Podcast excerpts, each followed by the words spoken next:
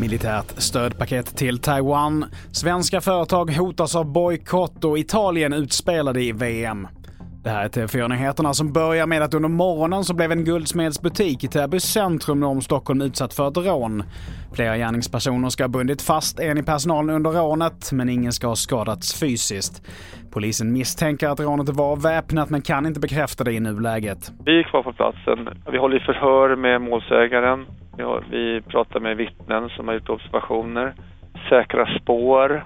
Se om det finns några spår efter gärningspersonerna när de har lämnat platsen. Ska knacka dörr i ett bostadsområde i nära anslutning till eh, Täby centrum. Och i inslaget här så hörde vi Mats Eriksson som är presstalesperson för polisregion Stockholm. Vidare till USA som meddelar att de kommer att ge Taiwan ett militärt stödpaket värt 3,6 miljarder kronor.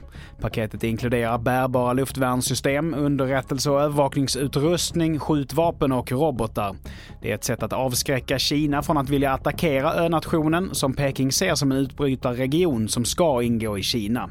Samtidigt har Kinas ambassad i Washington protesterat och sagt att USA ska sluta sälja vapen till Taiwan.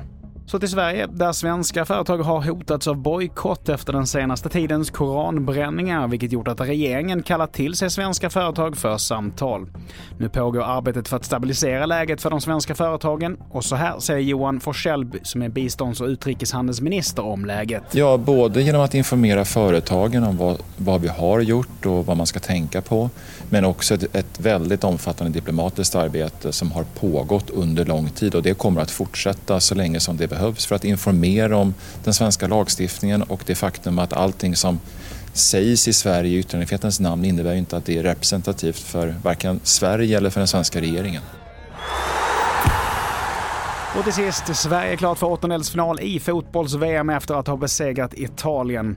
Det började lite skakigt, men när det väl lossnade så körde svenskarna fullkomligt över dem och vann till slut rättvist med 5-0. Fler nyheter hittar du på tv4.se. Jag heter Mattias Nordgren.